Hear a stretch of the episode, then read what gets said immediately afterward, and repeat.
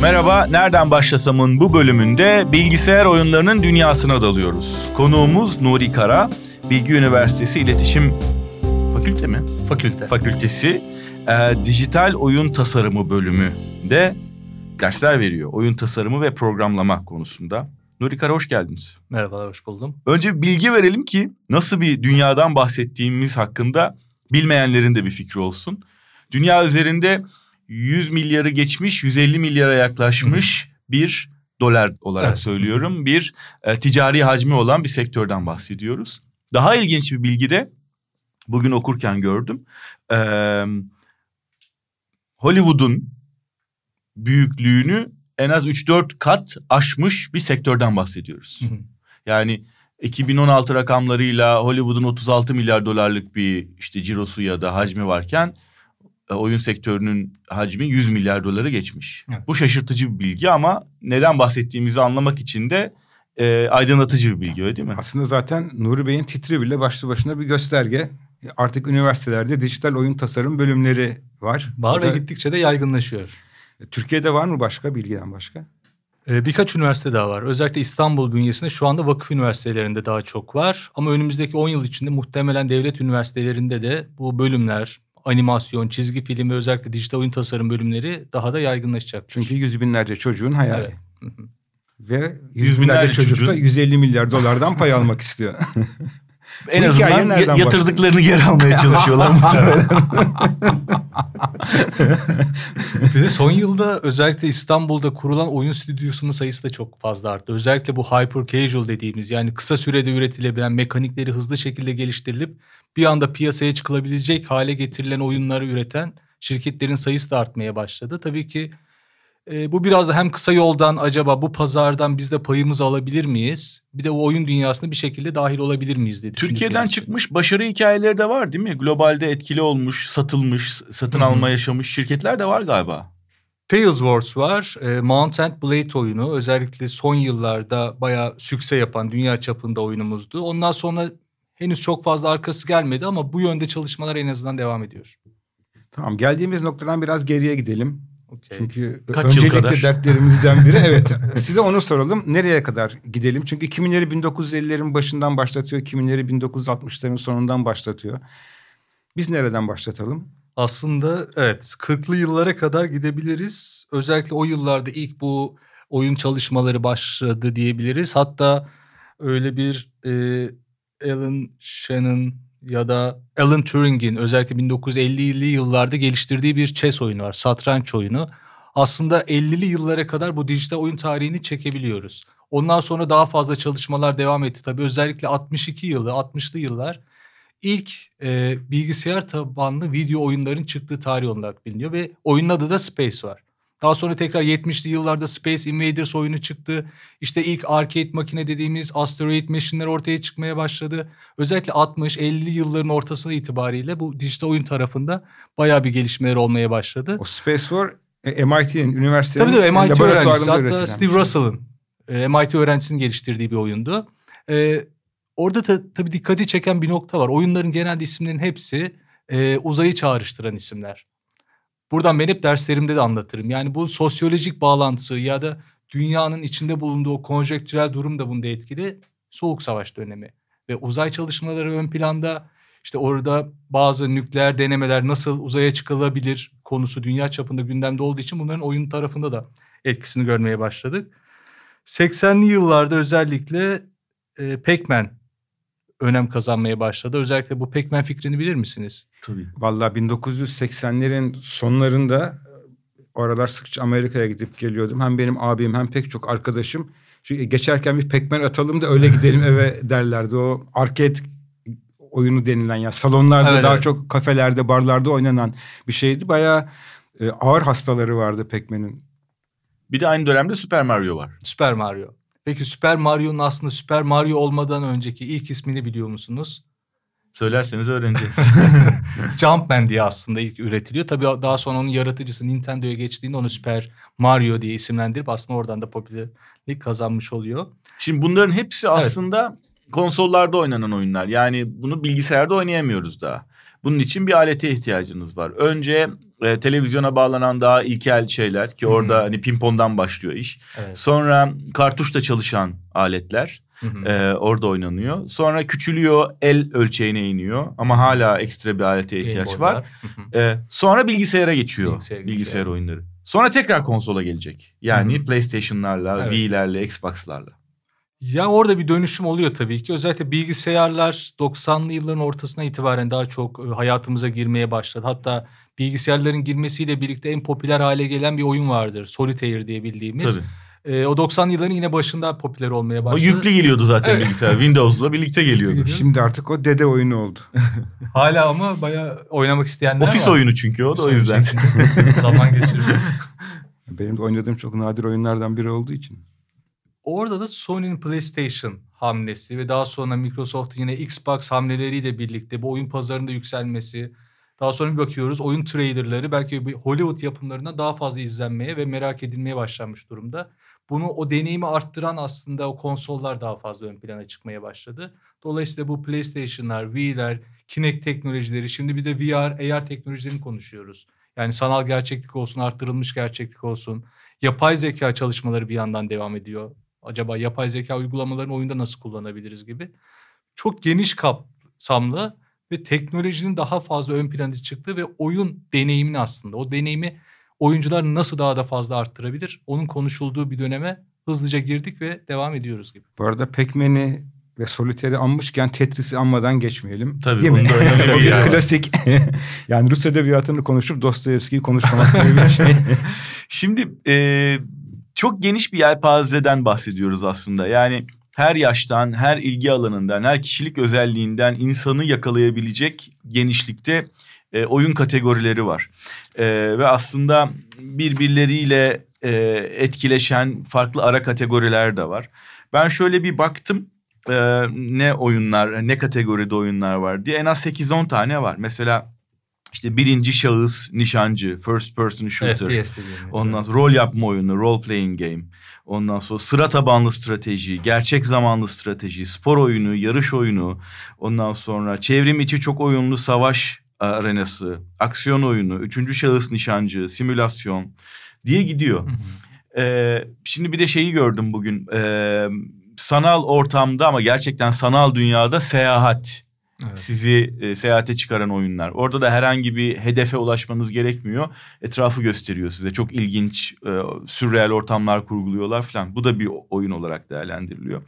Dolayısıyla oyunların alanına aslında herkes girebiliyor galiba değil mi? Bu pazara e, herkesi sokmak için bir Tabii. sürü araç geliştirmiş oyun dünyası. Tabii tabii yani o janra dediğimiz farklı janralarda geliştirilen oyunlar. Orada özellikle e-sporun da yaygınlaşmasıyla birlikte işte massively multiplayer online role playing game yani devasa katılımcı çok oyunculu oyunlar gibi daha fazla böyle kişinin multiplayer olarak oyuna online ortamlarda dahil olup oynadıkları oyunlar var. Ve bunların artık yaş kitlesi, hedef kitlesi e, çok geniş kapsamda diye düşünülüyor. Belki daha eskiye baktığımızda mesela şöyle bir algı vardı 90'lı yıllarda ya da daha önceden işte kadın oyuncular çok fazla oyun dünyasına dahil olmuyorlar gibi bir düşünce vardı. Özellikle Sims oyunu duymuşsunuzdur belki. Hı hı. Sims oyunuyla birlikte gerçekten bu female players'ların da çok fazla bunun içinde olduğu ve onların da artık yani yatsınamayacağı gerçeği ortaya çıkmaya başladı. Second Life'ta galiba Second gene Life'da, kadınlar evet, daha evet. yoğun. Yani simülasyon benzeri, real life dediğimiz yani o gerçek hayatı simüle eden oyunların popüler olmasıyla daha fazla bu şekilde e, ortaya çıkmaya başladı. Yine ilk mesela Tomb Raider oyununda ilk female karakter kullanılmıştır oyun dünyasında. Lara Croft. Ya bunun gibi örneklerle aslında sadece erkeklere dönük değil de daha böyle toplumun geniş kapsamlı düşünebileceği ve oynayabileceği oyun janraları da ortaya çıkmaya başladı. Tabii e, oyun dışı teknolojiler de bunun dönemlerini belirliyor değil mi? Diyelim ki cep telefonlarının yaygınlaşması Evet. Hı. başlı başına Tabii, tabii. mecra. Yani tarihinden bakarsak üniversite laboratuvarları, sonra barlar, kafeler, eve girmesi bir aşama, e, televizyondan bağımsız bir üniteye dönüşmesi bir aşama, cep telefonuna gitmesi bir aşama, son aşamada galiba sanal gerçeklik gözlüklerimiz. Sağ- evet. Hali hazırda şöyle düşmek lazım. Şu anki sanal gerçeklik teknolojileri belki biraz da bu mobil telefonların ilk versiyonları gibi. Hani ilk çıktıklarında da böyle biraz e, çok büyük yani ergonomik olmayan, adaptif rahat şekilde kullanılamayan teknolojilerdi ama Belki oyunlar da şu an öyle. Belki Türkiye'deki peki bu noktaya nasıl geldik? Belki biraz da ondan bahsedebiliriz. Tabii. Hı hı. Yani biz işte Hangi el- noktadayız? Önce onu bir konuşalım. aslında iyi bir noktadayız. Yani ve sürekli artık oyun geliştirme, oyun üretme bir de dikkat ederseniz bizim bölümlerin adı oyun tasarım bölümü. Evet gameplay yani oyun oynama ağırlıkta bir de artık oyun tasarlama, oyun geliştirme, işte oyun artının içinde yer alma gibi pek çok aslında oyunla bağlantılı disiplinler de ortaya çıkmaya başladı. Bu noktada iyi yerdeyiz çünkü en azından bu bilinç çok fazla arttı. Böyle bir pazar var. İşte Amerika'da, Çin'de, Güney Kore'de gerçekten çok iyi rakamlar konuşuluyor. Dolayısıyla bir şekilde bizim de bunun içinde olmamız lazım. Üniversiteler var, özel kuruluşlar buna destek vermeye başladı. Farklı dernekler var mesela. Bu şekilde en azından oyun tasarımını daha da popülerleştirelim ve buradaki gençleri bir şekilde sürecin içine çekelim diye. Dolayısıyla şu an iyi noktadayız. Ama biz biraz tabii geç başlamış olduk. Şunu aslında. sorayım mı biraz daha anlamak için? Tamam. E, oyun dünyasında ticari olarak soruyorum. E, tek merkezli değil de çok merkezli bir yapı var galiba. değil? Evet. Yani sadece mesela Hollywood'un dünya sinemasının domine etmesi gibi bir durum yok burada. Amerika, Uzak Doğu'da birkaç odak, belki Avrupa'da e, oyun şirketleri biraz daha dağınık merkezli bir sektörden bahsediyoruz burada? Dağınık merkezli tabii yine Amerika ve Çin'in aslında öncülük ettiği bir sektörden de bahsediyoruz. Japonya Tabii geriledi onlar- mi? Evet. Yani Kore var galiba. Kore'de e, gayet iyi durumda. Yani yine bu aslında büyük oyun firmaları da var. Yani bu bildiğimiz çok popüler olan oyunları üreten oyun firmaları var. Tabii onların daha böyle öncülük ettiği bir sektör.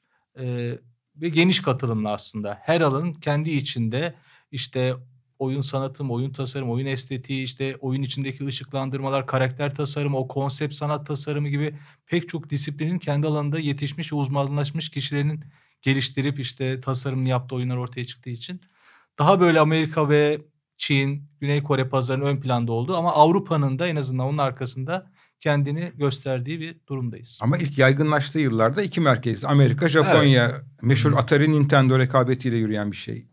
Evet hatta Rusya bile sonradan işte bu Tetris dediğimiz o da Rus bir matematikçinin geliştirip daha sonra bu sektöre girdiği bir dönemden bahsediyoruz. Evet ilk başta aslında 40'lı 50'li yıllara gittiğimizde yine Amerika merkezli daha çok oyunun üretildiği ve geliştirildiği bir sektör. Az önce hızlı saydınız ama biraz daha üzerine konuşmak e, aydınlatıcı olacak diye düşünüyorum. Bir oyun, e, iddialı bir oyun yapmaya e, kalkıştığınız zaman kaç katmandan bahsediyoruz biz? Yani e, kaç uzmanlık alanı giriyor işin içine? Yani iş sadece mühendislik ve grafik tasarım diye ikiye ayıramıyoruz herhalde değil mi bunu? Yani sanat yönetimi var bu işin. Evet. Bir evren kurmanız gerekiyor. Kimler dahil oluyor bu sürece?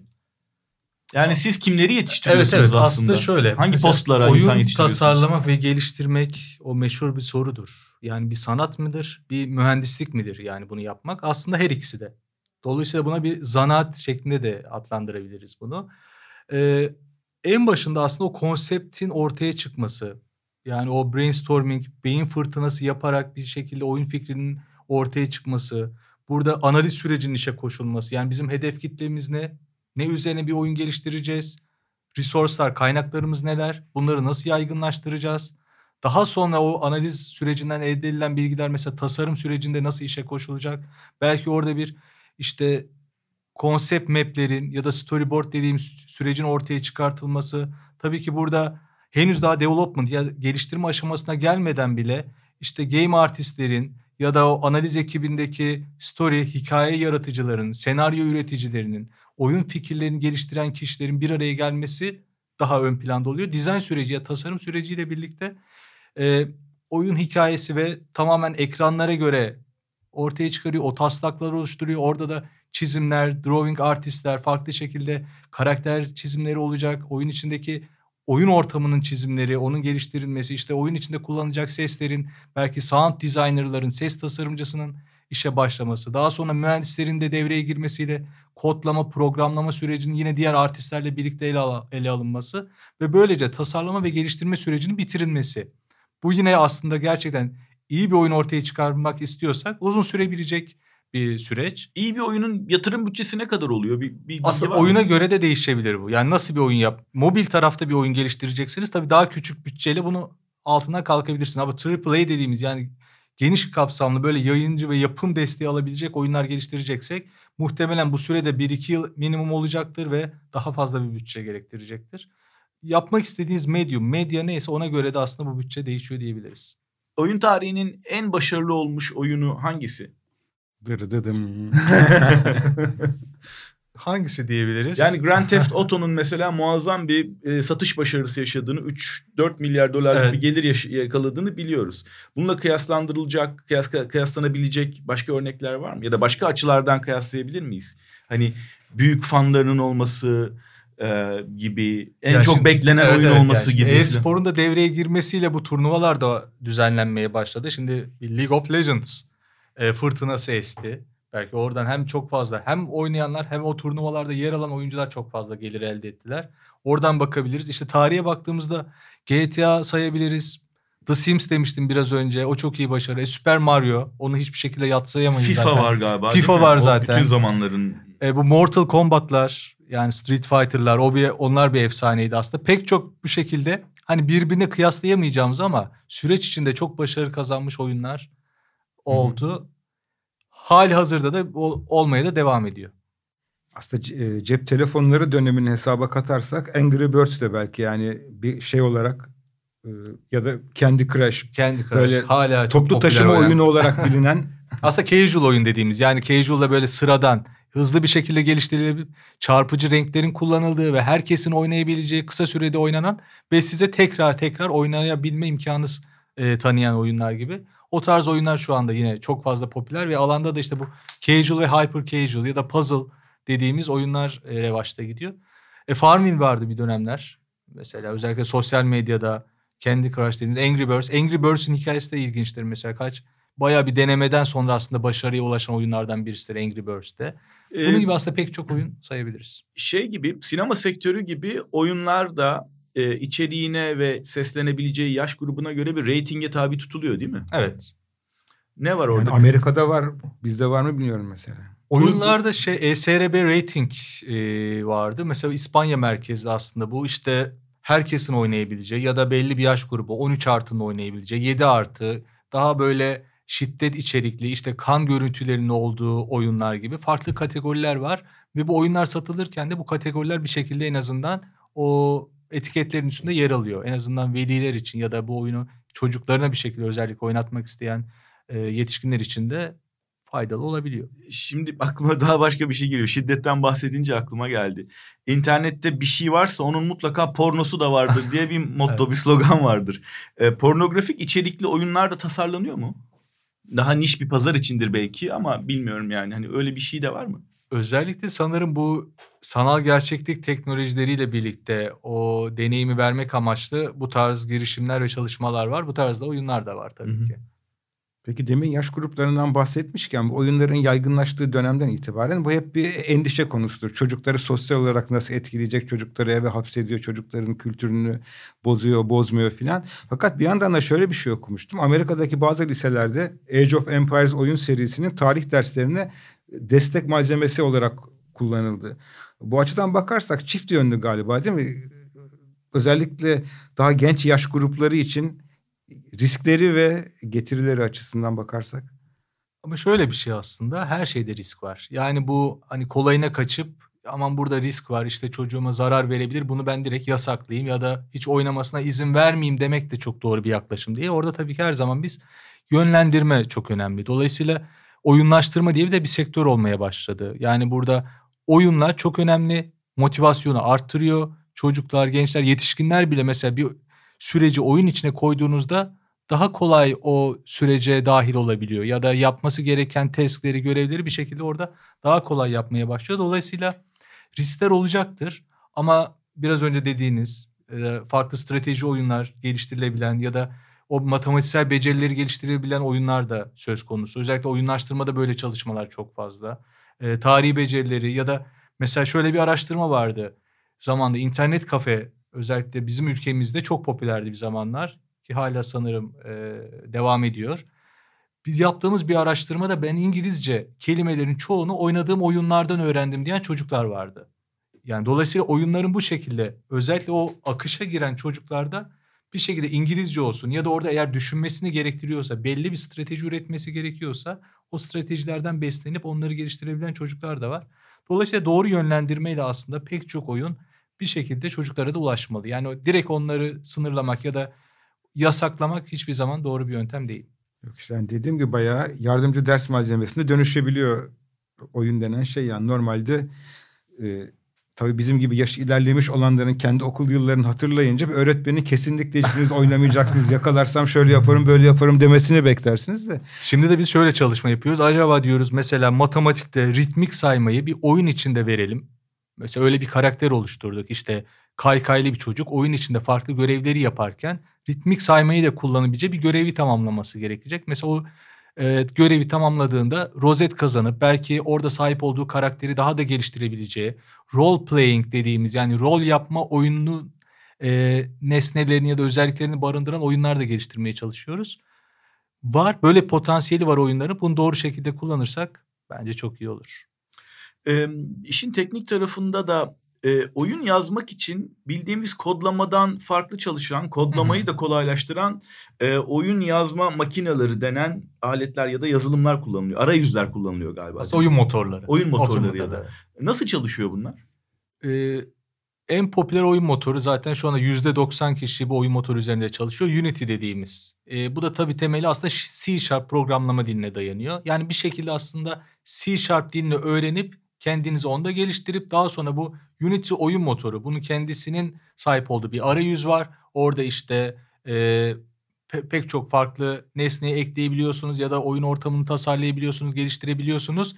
Gerektiğinde de kodlarla müdahale edebiliyorsunuz. Dolayısıyla orada biraz bir kod bilgisi olması en azından daha böyle yaratıcı oyunlar çıkması için önemli oluyor. Ama orada yani e, bazı daha önceden tasarlanmış objeleri alıp e, oyununuzun içine yerleştirebiliyorsunuz. Yerleştirebiliyorsunuz. Hareketleri koyabiliyorsunuz Evet, evet. galiba. Yani her şey için satır satır yazmanız gerekmiyor. Gerekmiyor. Yani bu bildiğimiz işte Photoshop gibi daha böyle paket programlar gibi halihazırda bir oyun motoru. Hem hazır e, objeleri kullanabiliyorsunuz. Müdahale etmek istediğiniz yerlere kodlarla da siz müdahale edebiliyorsunuz. Yani bu şey Evet. gibi bir web sitesini bir template'e hazır kalıba dayanarak yapmak ama gerekiyorsa onun birkaç yerine müdahale Birkaç edebilmek, müdahale etmek gibi. özelleştirmek. Evet. Orada işte sizin aslında yaratıcılığınız ön plana çıkmış oluyor. Bu endüstride geçerli bir şey mi? Yani en iyi oyunlar içinde kullanılan bir araç evet bu? evet. Zaten şu anda Unity oyun motoru bir de özellikle art tarafında daha böyle iyi oyunlar çıkmasını sağladığı için Unreal Engine dediğimiz bu iki oyun motoru çok fazla kullanılan. Hı hı. Evet ve geliyoruz asıl konseptimizin mecbur kıldığı soruya. Oyun kültürü, oyunların tarihi sizinle yaklaşık 25 dakikadır sohbetini yapmakta olduğumuz konularda biraz da okuyayım oynamanın ötesinde dersek ya da işte bir takım belgeseller üzerinden bilgi sahibi olayım dersek var mı kaynaklar? Türkçe kaynak var mı yoksa da yabancı Türkçe kaynak? kaynak çok fazla yok maalesef. Yani e, bu konuda bizim de bir çalışmalarımız var. Belki yurt dışında yapılan çalışmaları burada çevirip en azından Türk literatürüne bir şekilde kazandırmak gerekiyor.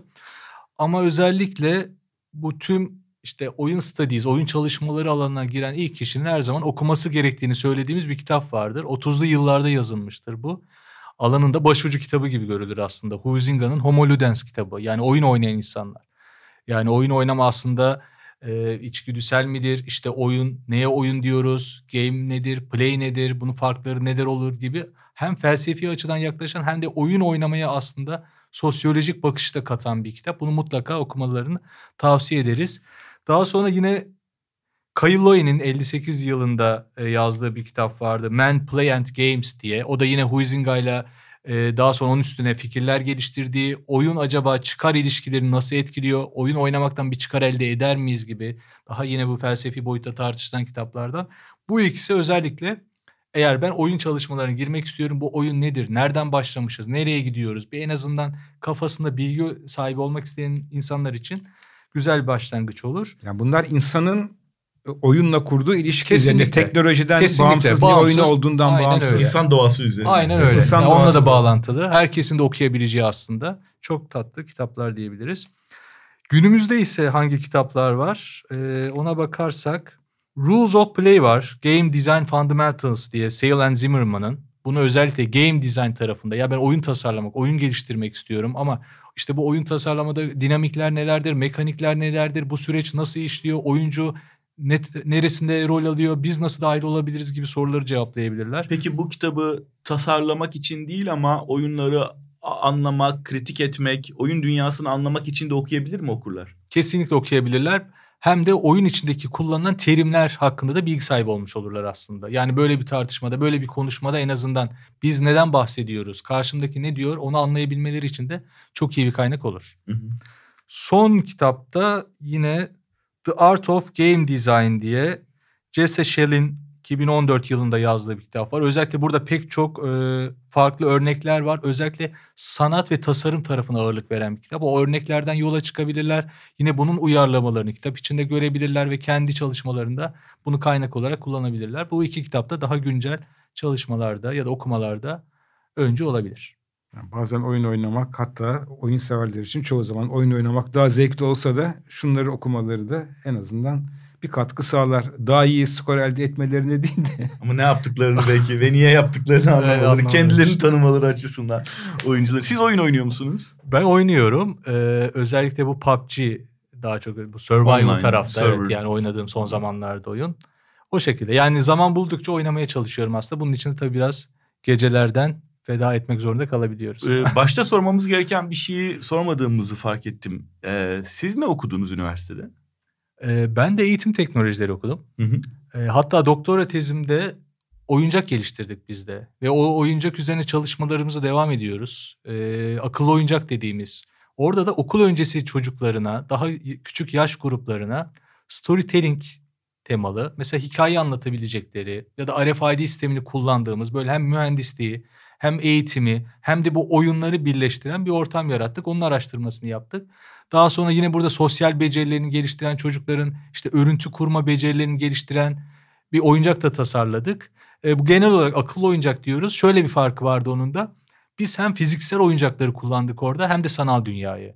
Yani şu anda çocukların belki en zorlandıkları sadece sanal dünyada sanal oyun oynay- oynamaları gerekiyor ama bu akıllı oyuncaklarda hem peluş oyuncakları bizzat elleriyle kavrayabiliyorlar. Hem de bunu işte geliştirilen ortamda sanal e, görüntüsünü görüp en azından bir şekilde sürece dahil olabiliyorlar. Oradan yola çıktık aslında. Yine oyun çalışmalarımız, akışları inceleyen çalışmalarımız vardı. Bunların hepsini bir araya getirip şu anda dijital oyun tasarım bölüm başkanı olarak devam ediyoruz. daha da devam edersiniz. Çok da genç birisi tabii. Sesinden de anlaşılmıştır. Bölüm başkanı akademide falan diyoruz ama çok da genç birisi. Bizi de çok aydınlattı. Zaten ne öğrenirsek gençlerden öğreniyoruz. Evet. Ben de bugün iyice yaşlı muhabbetin. Konu oyun olunca biraz dışarıda kaldım gibi geldi. Ama aslında evet benim de çok fazla içinde olmadığım bir konu. Ee, hakikaten şey e, öğrenmek için sordum pek çok şeyi. Ama muhtemelen siz de oynuyorsunuzdur. İşte Ben soliter soliterci. oynuyorum. çok teşekkür Çok teşekkür Çok ederim. Çok sağ olun. Sağ olun.